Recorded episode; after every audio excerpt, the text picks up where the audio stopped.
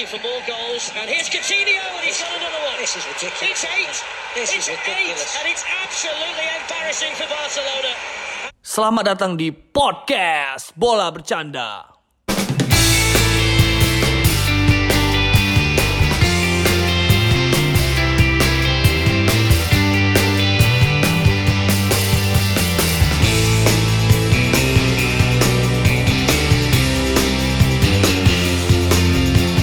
Assalamualaikum warahmatullahi wabarakatuh. Teman-teman kembali lagi di podcast Bola Bercanda. Mungkin semua kita dikejutkan oleh balada-balada UEFA Champions League yang sama-sama mengejutkan kita semua teman-teman.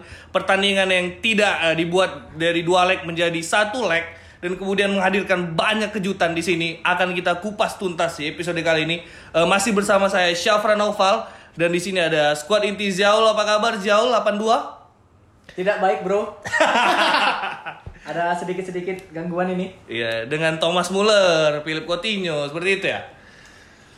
Anjing ah Ini Iya.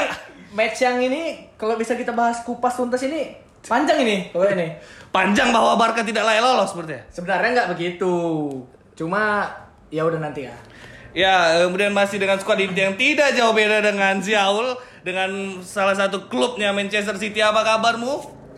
Kalau tadi jauh tidak baik, aku lebih tidak baik. ya, ya Moussa Dembele ma- mengakhiri mimpi dari Pep Guardiola untuk eh, mendapatkan trofi Liga Champions di Manchester City. Tapi ya itu kita nanti bahas di belakang. Yang pertama kita bahas pertandingan antara eh, di babak 8 besar, pertandingan pertama antara Paris Saint-Germain dan Atalanta. Mulai dari Mumu, gimana sih PSG dan Atalanta ini sebenarnya? Eh, Atlanta PSG dari awal babak Atlanta bermain dengan Gen Piero Gasperini ya. Eh, filosofi Gen Piero Gasperini mm, terlalu ngepres. Aku bilang terlalu nekat ya Atlanta ini. Kalau eh, Ga- Gasperini itu terlalu nekat lawan PSG karena dia tidak mengubah taktiknya lagi-lagi. Cuman dia memainkan high pressing sejak menit awal. Eh, menempatkan banyak pemain untuk di PSG. Padahal aku rasa kualitasnya ya so-so gitu mungkin pemainnya. Eh, Tadi bro bilang siapa yang main high pressing? Atlanta. Atlanta Atlanta. Sebenarnya kalau main high pressing ini Bisa dikalahkan sih Caranya Dengan cara gegen pressing yang biasa dilakukan Jurgen Klopp di Liverpool Cuma Atlanta memang bermain kurang baik ya Walaupun dalam 1-0 tidak bisa dimanfaatkan Ya, kalau dilihat PSG dan Atalanta, kalau dari aku pribadi sa- sama sekali tidak impress dengan PSG, sama sekali tidak impress dengan cara PSG lolos. Karena sebenarnya PSG ini selalu sama setiap tahun, selalu gambling di Liga Champions dan eh, penyakit PSG ini selalu eh, banyak pemain-pemain yang cedera di pertandingan penting. Bahkan dan bahkan pelatihnya sendiri juga sampai cedera gitu. Jadi PSG ini tidak menampilkan eh, permainan yang sangat menarik. Gol pertama Atalanta sebenarnya mengubah pertandingan, mengubah jalannya pertandingan, mengubah cara bermain PSG Ya. yang sebenarnya hampir tidak lolos mungkin. Dan saya saya bisa jamin PSG ini masih eh, ditolong sebenarnya, masih ada Dewi Fortuna sebenarnya. Miracle mungkin ya bro ya Iya, so, sebenarnya PSG ini ber- sangat berpeluang tidak lolos sebenarnya lawan Atalanta karena tinggal 5 menit lagi gitu. Kemudian Marquinhos dan Choupo-Moting gitu. Cuman ya itu kembali lagi Atalanta juga bukan tim yang bisa kita harap banyak gitu. Tim yang baru saja merasakan eh, hawa dari kompetisi Eropa gitu, teman-teman. Jadi ya ya good luck lah PSG buat di semifinal. Tapi mungkin ada nggak karena kehilangan Josep Illich Bisa karena ini? Enggak, enggak, emang kualitas pemainnya memang udah beda karena eh, Atlanta nekat sih karena ini mau nggak mau pasti babak kedua stamina pemain drop. Atlanta walaupun unggul 1-0 kita tinggal nunggu waktu aja sebenarnya pas unggul itu. Eh, dan Gen Pi- Piero Gasperini juga gak punya banyak pilihan di bangku bench. Ya itu sih PSG lah ya. Dan- Iya.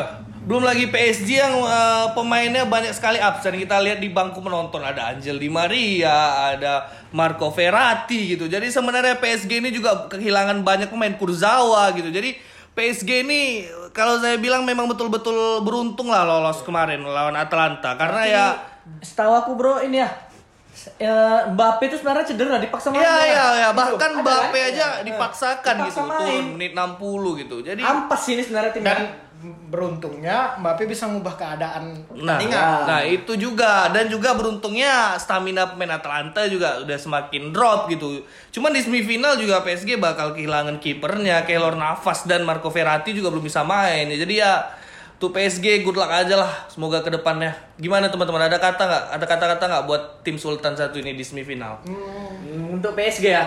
Ya. I hope championess for PSG this year. Ah. Eh, kalau aku lihat aja nanti ya di mana. Soalnya eh, aku main impress dengan Tuchel juga. Ya, Thomas Tuchel itu gaya mainnya bagus sih. Kemarin tuh sebelum dimasukkan Ernesto Valverde, VV yang dulu, dia nih masuk sebenarnya. Ada masuk pilihan cuma ya VV yang diterima. Ya, Cuman yang kayak kata Nopal tadi, eh, banyaknya pemain inti yang absen tuh pengaruh juga kayak Neymar di lini serang tuh kurang variasi serangan. Nah, Icardi juga kurang pasokan. Baru satu. Pilar yang sebelum. Apa sama aku? Apa menurut kalian memang bagus Neymar dapat MOTM ini? Iya ya, apalagi Neymar di babak pertama itu seperti bermain sendiri gitu. Tapi kalau bicara apakah layak, salah layak menurut saya karena Neymar ini benar-benar mengcarry tim PSG gitu, benar-benar motor serangan gitu. Tanpa dia, ya PSG sebenarnya bisa kebobolan banyak sih kemarin. Dia juga. Ya sangat layak sih menurut saya kalau Neymar ya. Tapi Layak. bagus sih keputusan Neymar ngasih MOTM itu ke ini. Ya ya ya. ya. Choupo-Moting ya. Karena sebenarnya itu ada ceritanya juga kemarin aku baca. Jadi Choupo-Moting itu awalnya awal sebelum corona ini teman-teman. Choupo-Moting itu nggak masuk squad Champions gitu. Dia sama sekali tidak dibawa oleh Tuchel gitu. Jadi karena banyak karena juga Cavani sudah pulang dari PSG dan kemudian Choupo-Moting ini masuk dalam squad. Jadi Choupo-Moting sebenarnya bukan pilihan bagi Tuchel dan kemudian Neymar menghargai dia sebagai salah satu pahlawan yang membuat PSG ke semifinal ya. Jadi merupakan salah satu sikap yang bagus lah dari Neymar. Ya. Udah di PSG mungkin Ya, terlepas dari semuanya, PSG merupakan penantang berat sih di semifinal ini. Ya, di semifinal nanti bakal kita bahas juga nanti di belakang. Berikutnya kita bahas salah satu pertandingan yang sangat-sangat mencuri perhatian. sangat kontroversi, Bung. Apalagi mencuri perhatian seorang Cules dan Madridista gitu. Bagaimana skor antara Manchester Bukan United cuma dengan cules saja, Bung. Semua penonton sepak bola dunia ini sangat wah. Bagaimana skor antara Manchester United dan Arsenal yaitu 8-2 bisa terulang di 8 besar Liga Champion antara eh, Munchen dengan Barcelona. Bagaimana nih pendapat dari or- seorang Cules langsung nih? 8-2 itu Philip Coutinho. Gimana gimana gimana? Hancur, Bro. Hancur gambling. Aku nonton nobar sama teman-teman aku. Iya, gimana? Babak satu aku pulang, aku nggak ini lagi.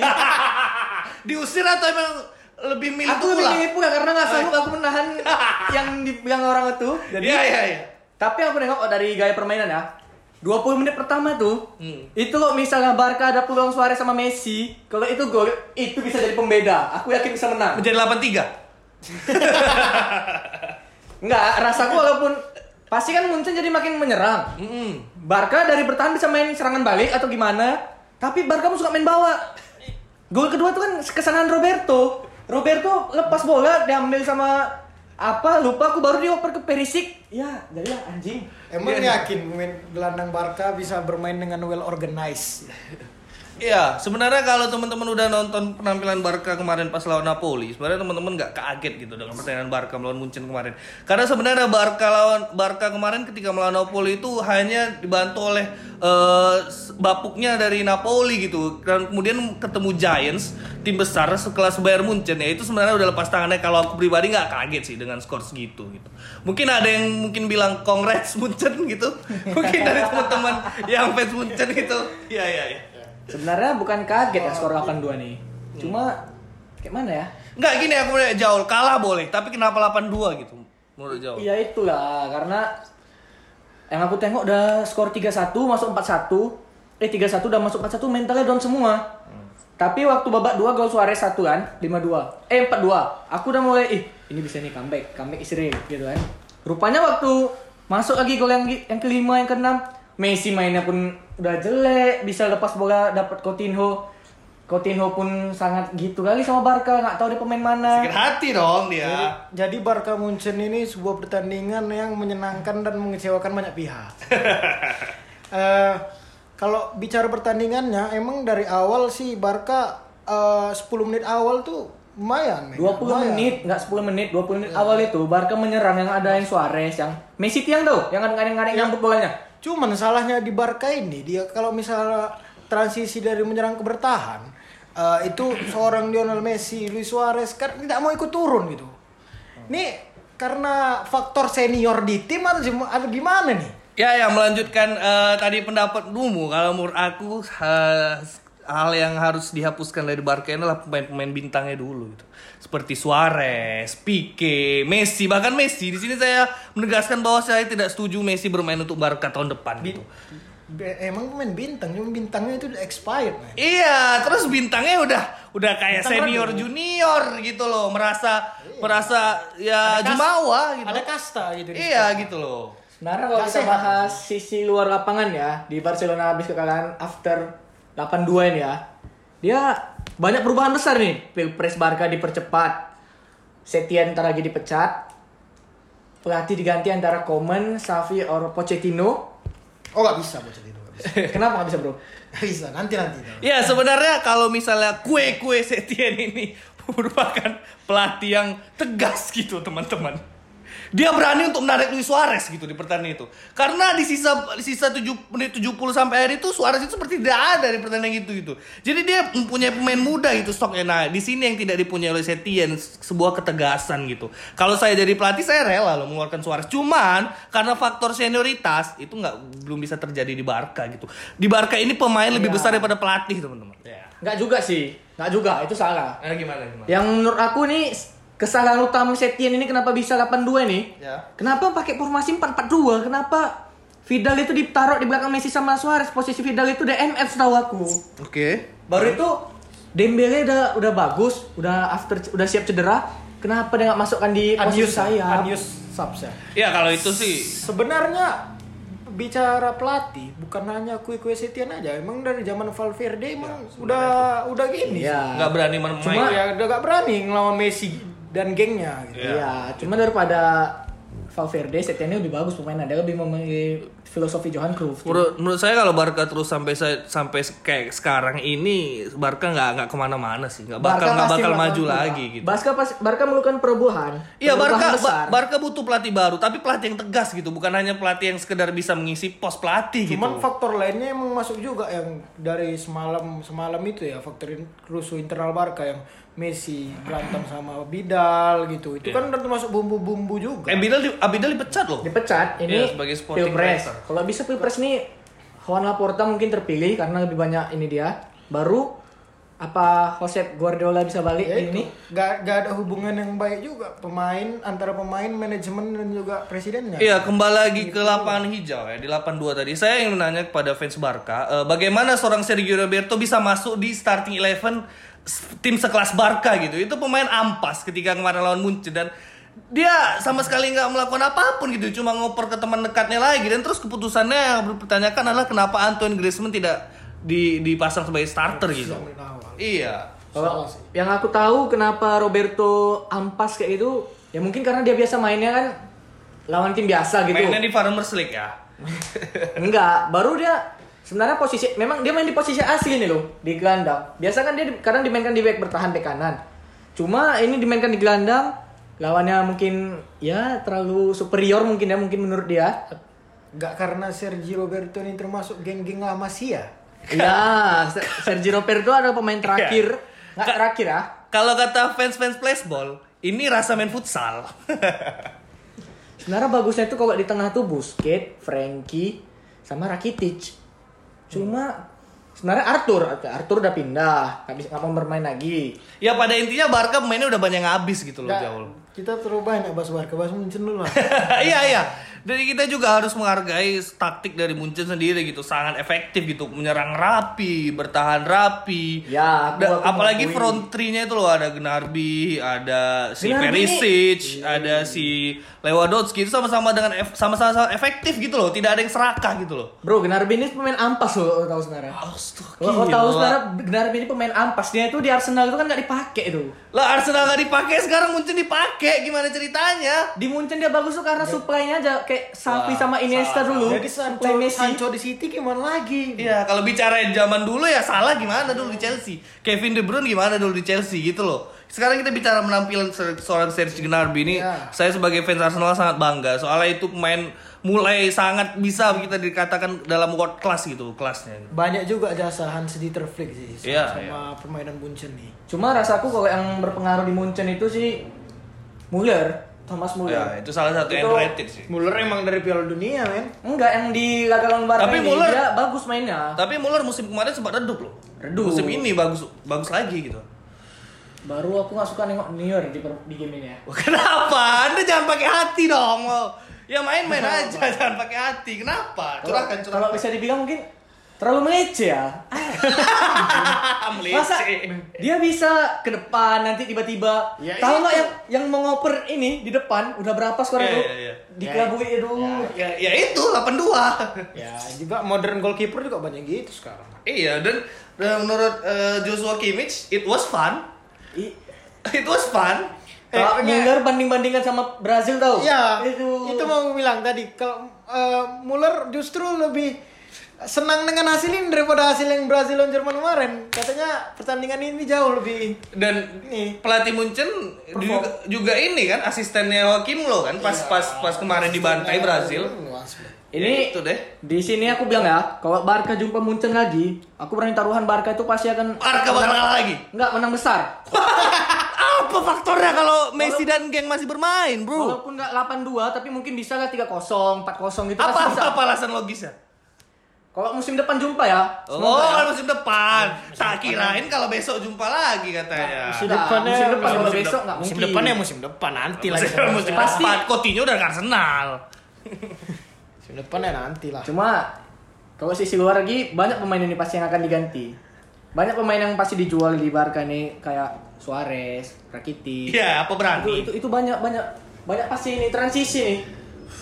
Dan, dan juga saya mau kritik eh, mental seorang kapten yang ada di Lionel Messi gitu. Yang kemarin kita lihat foto viral, Bayang Messi sudah lesu gitu di bawah pertama ya. Mau gimana pun semua pemain merasakan itu, tapi kau itu kapten gitu loh. Ini, ini ada pengikutnya di sini nih. Iya, kalau itu kapten harus bisa gitu loh, memompa semangat semangat teman-temanmu gitu loh, bukan hanya duduk lesu. Kita nggak tahu ya apa di balik foto itu, tapi kalau dari foto itu itu bukan kapten material sih. Nabi besar seorang Ziaul Rahman. Iya, iya, iya. Seorang Cristiano Ronaldo tidak akan pernah melakukan itu, kayaknya ya. Messi sebagai kapten waktu lawan Munchen itu Hanya tertunduk.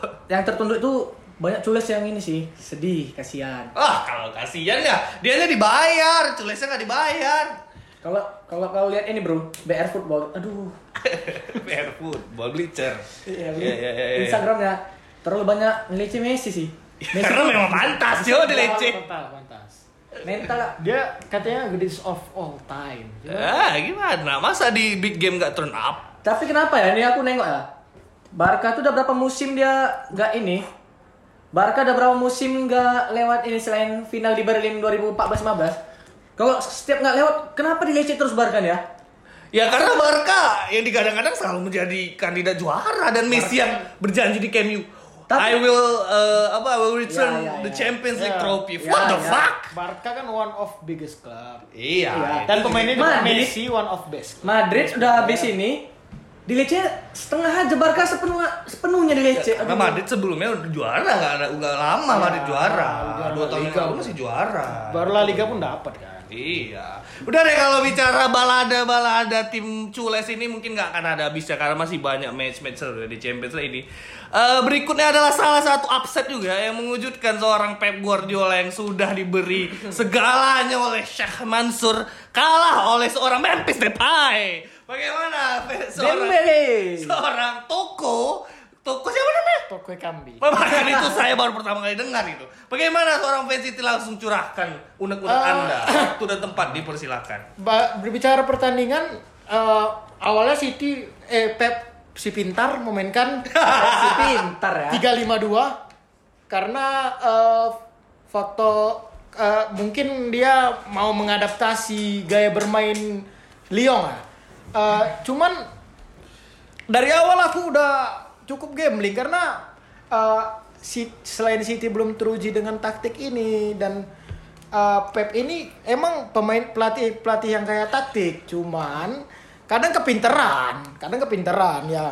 Aku nengok hasil kemarin, eh, bukan cuma nengok hasil, nengok jalannya pertandingan juga udah cukup gerah lah sama Pep. Eh, ada yang nonton juga gak nih teman-teman?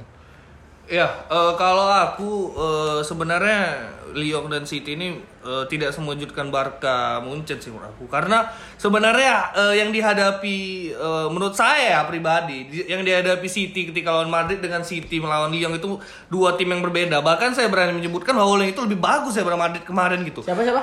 Lyon itu lebih bagus daripada Madrid kemarin gitu. Kita lihat pertahanannya yang sangat-sangat disiplin walaupun passingnya yang kadang-kadang salah, ampas, tapi mereka itu betul-betul bertahan, semuanya bertahan gitu, langsung datang gitu. Jadi kita juga nggak boleh underestimate ini loh lawan Munchen gitu loh. Karena juga kita lihat Hasim Oar penampilannya yang wah gila sih. Itu man of the match Gila, kan gila, kemarin. gila. Ini ada pertanyaan aku satu nih untuk fans City nih. Apa kabar Sterling?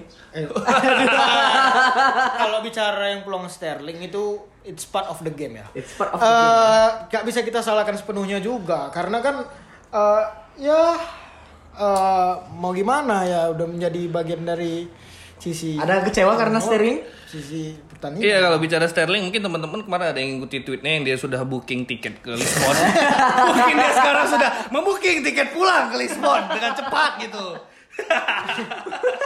Iya curahkan lagi, curahkan lagi, curahkan Ada, lagi. ada, ada lagi. Eh, tadi awalnya Pep main 352 dan Pep itu kelamaan ngubah taktik. Aku gak tahu apa yang dia di pikiran Pep ini. Mungkin di pikiran Pep ini kok 352 kan dia Wadah. Dari bertahan bisa menyerang gitu kan. Ini lawannya Ya, Lyon ini bertahan dia kan? Ya. Ya, Leon bertahan, bertahan banget. Eh, dia menempatkan Kyle Walker yang bermain di sisi sayap sedangkan Phil Foden dan Mahrez itu dicadangin tuh apa sih maunya pelatih pinter satu ini Iya, dan mungkin eh, Miss Sterling kemarin yang gagal itu akan dibahas ke tahun-tahun berikutnya sih. Iya. Itu nggak bakal lupa itu. Pa- soalnya. padahal ta- tapi emang harus diakui sih kalau Sterling itu gol Lyon bro Iya, iya, itu, itu aku itu, akui. itu sama cerita kayak Barca kalau Suarez atau Messi Berbeda, itu berbeda, gol juga. berbeda kalau itu menit menitnya masih lama Iya, menit iya. pertandingan masih lama itu menit 88 atau 89 ya Enggak, enggak, enggak. 85-an itu. Pokoknya sebelum Ah, extra iya, time, iya, sebelum iya, iya. apa? Pokoknya- injury time itu. pertandingan udah mau selesai Iya, dan juga kita juga harus mengapresiasi pelatih Lyon sih. Itu kemarin dia juga merupakan taktik yang benar-benar sama sekali gak gentar gitu dengan tim sekelas Manchester City gitu. Dan juga aku yakin Pep Guardiola pun kadang ah, mungkin ya dalam pertandingan itu terheran-heran sama penampilan Lyon gitu. Mungkin di luar dugaannya tidak sesusah ini mungkin seorang Ya, Lyon gitu. Sebenarnya terheran-heran pun lucu juga karena Iya. emang dia yang buat dirinya sendiri terheran-heran Pep Guardiola. Iya, jadi kesimpulannya Pep out or gimana gimana? Iya. Masa depan? Kalau bicara Pep out, eh, lihat dari rapornya udah spending triliunan, Ya, empat tahun cuma mentok di quarter final, ya kalau pakai akal sehat ya seharusnya Pep out. Tapi iya, saya yakin itu kalau bukan Pep, kalau misalnya itu Ole, itu udah dibilang Iya. out dari tonton Iya. sebelumnya gitu. Ini Iya. karena Pep aja gitu loh, masih didukung gitu. tapi rasaku pun kalau misalnya Pep out ini City ini kayak nggak ini ya kayak nggak dilihat jasa Pep gitu ya udah berapa tahun gitu Jasa udah yang ini. gimana? Yang gimana City itu kan belum layak istilahnya dapat champion ya dia masih tim-tim untuk ini aja Gini loh, gini Untuk loh. Ci- untuk Premier League Eh, aja Gini gini, salah. Di Ini kan dari opini kualitas, aku. ya ya boleh boleh boleh. Boleh, boleh. Kualitas lapis pertama dan lapis kedua itu gak jauh beda loh. iya kalau dari pemain memang Dan udah itu sanggup pemain yang diinginkan Pep yang sudah dibentuk selama 4 tahun. Sedangkan Jurgen Klopp itu 4 tahun apa 5 tahun ya? Bisa langsung juara Liga Inggris dan Liga, Liga Champions. Champions. dengan skuad yang nggak terlalu mewah banget loh. itu tahu apa bedanya? Mentalnya Ini- Liverpool 5 Ini ini. Kalau kalau bicara layak nggak layak eh, dari duit yang dikeluarkan City itu udah sangat layak. Juara champion sih sebenarnya. Dan juga tidak layak kalah dari Olympic Lyon gitu sebenarnya. Jadi ya Lyon for UCL lah teman-teman. Ada lagi curhatan dari seorang layak gak la, la- siapa yang layak lolos sebenarnya gak ada yang layak tuh yang di City karena yang main gak bagus-bagus amat sih. Cuma dari efektivitas Ya, menang. boleh. Ya, cuman dari strategi ya Lyon bermain gak, gak ada ngubah sebenarnya. Ya Pep aja yang kepintaran gitu. Salah satu pemain yang disoroti sebenarnya How Cancelo gitu. Permainannya sangat berbeda sih ketika lawan Madrid dan ketika lawan Lyon gitu. Jadi pelatih kayak Ole, Zidane itu kan miskin taktik. Ini terlalu kekayaan taktik. Jadinya Jadi kayak gini bingung mau yang mana dieksekusi ya kan? Ya itulah Pep Guardiola. Mungkin kau kau akhirnya menyadarkan uang bukanlah segalanya gitu. Uang tidak bisa membawamu langsung ke glory gitu. Jadi kamu juga harus bisa gitu meramu taktik gitu. Bukan hanya nama besar aja. Mungkin hanya perlu mungkin Pep ini hanya juara kalau bisa ada Messi, Xavi aja. Ya itulah Itu yang di ini kan post konferensi persnya kan. post match interview aku juga mulai gak respect sama Pep karena dia ngomong dia totally agree terhadap ang- anggapan-anggapan orang yang bilang dia cuma bisa juara sama Barca dan cuma pemainnya Messi sama Xavi dan Iniesta. Ya padahal dia udah milih pemainnya sendiri loh. Iya itu sangat tidak respect. Terlepas itu opini opini pribadi dari Pep, dia tidak layak mengeluarkan itu ketika timnya baru saja kalah gitu loh. Ya. Itu sebenarnya masalahnya. Jadi Kurang respect ya. ya Pep, oke Gimana lah. profesionalitas seorang Pep Guardiola yang katanya the greatest manager of the world? Iya kita lihat aja lah ke depannya bagaimana Pep Guardiola. Berikutnya salah satu pertandingan underrated, tapi sebenarnya ini sangat seru gitu. Juga sebenarnya Leipzig ini saya setuju sebagai, calon juara. Kalau tidak calon juara ya calon finalis gitu. Antara Leipzig dan Atletico Madrid gimana mu? Eh, Leipzig ngegas dari awal emang nggak ngelihat Atletico kayak mana betul, betul, betul. nggak ngelihat kualitas main memang kualitas main jauh cuman dia Nagelsmann ini tahu kali Simeone ini pelatih kepala batu pelatih pemain- Idealis. ya idealis idealis Eh, miskin taktik lah kalau aku bilang Cuma bertahan biasa kan.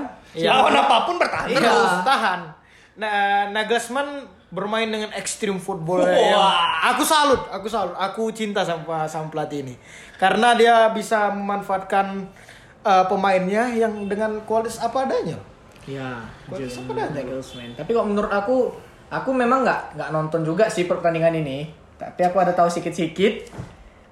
Terkejut sih dengan hasil yang seperti ini. Ya kalau dibilang terkejut kalau nonton sebenarnya nggak terkejut sih.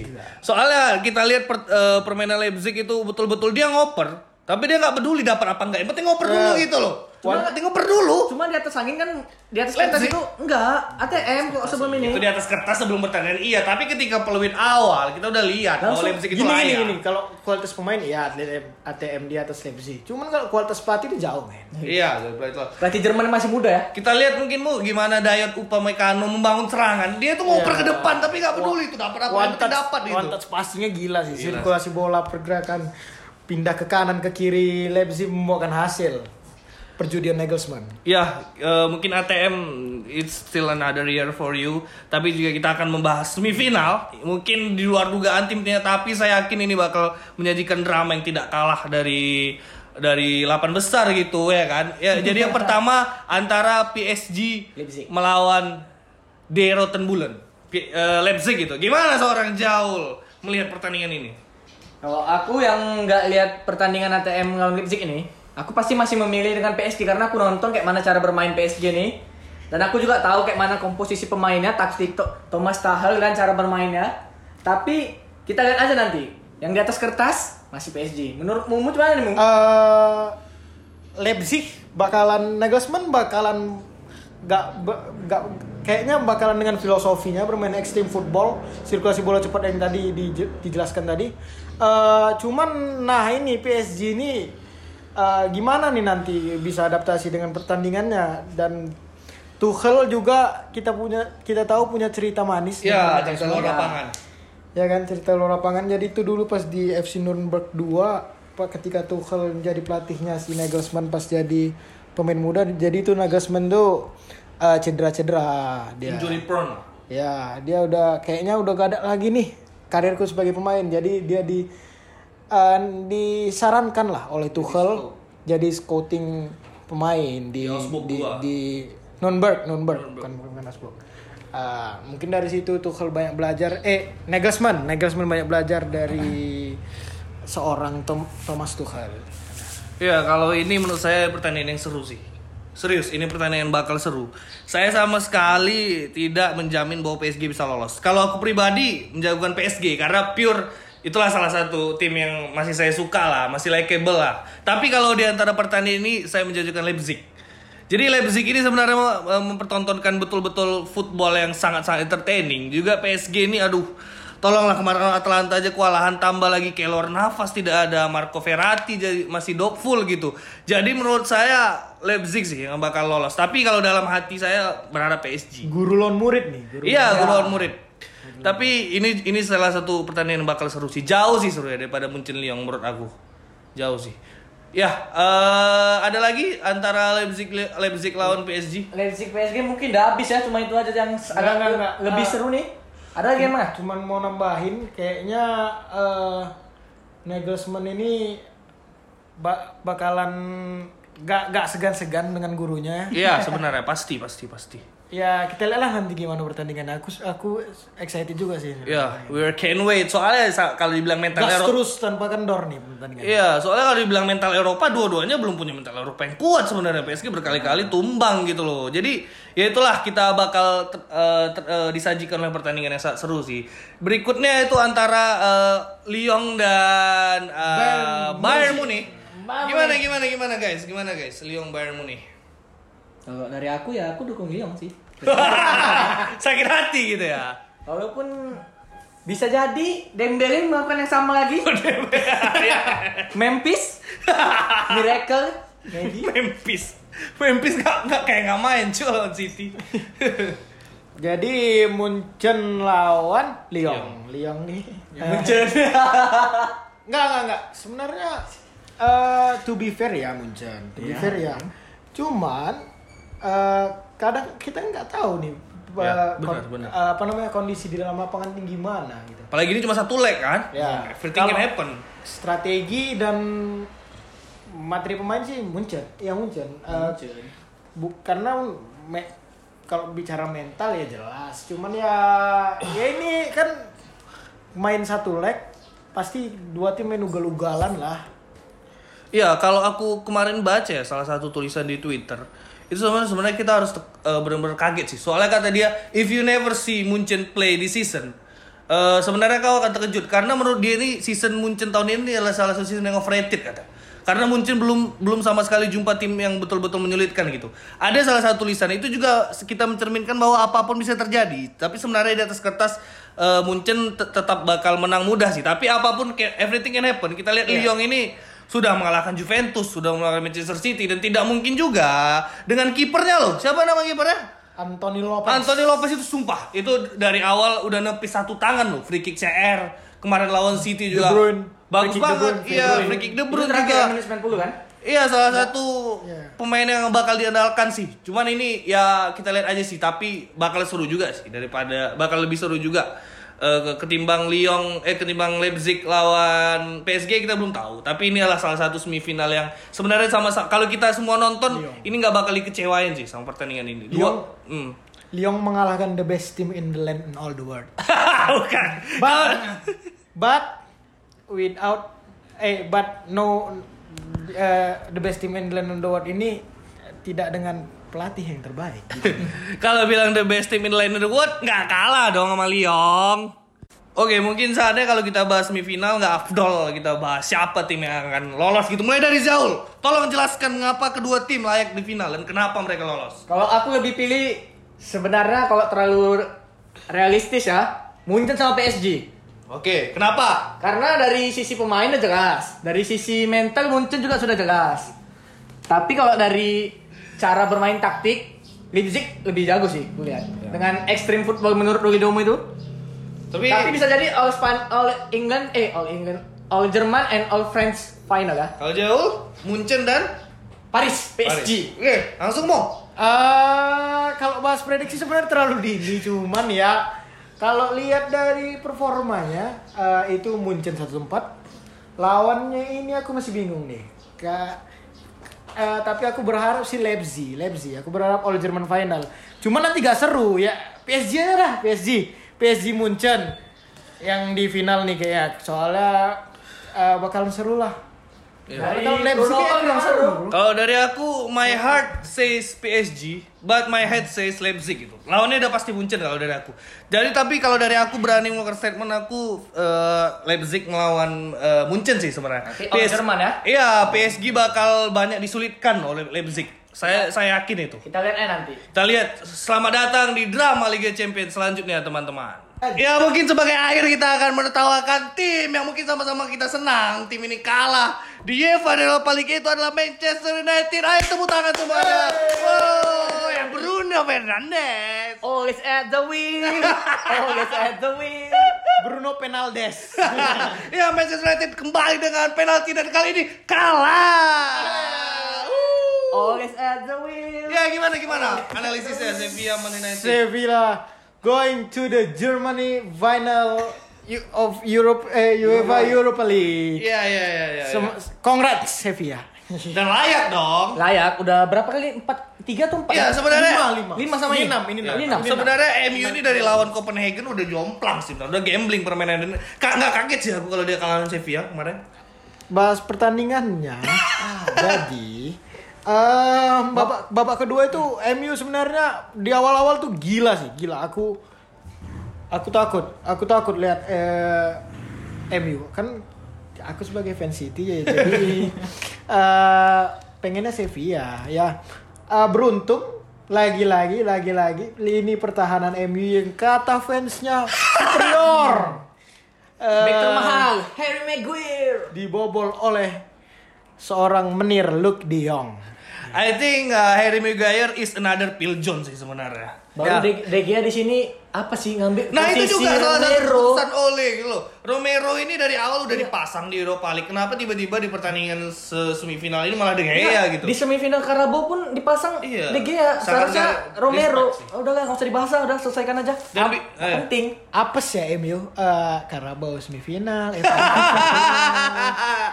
Europa League semifinal. Padahal semua piala ciki loh. Tapi ya cuman semifinal mentoknya emang gitu kualitas pemainnya. Iya, dan juga ada pelatih yang baru mengganti pemain dalam posisi kalah menit 87 itu adalah Ole si taktik miskin.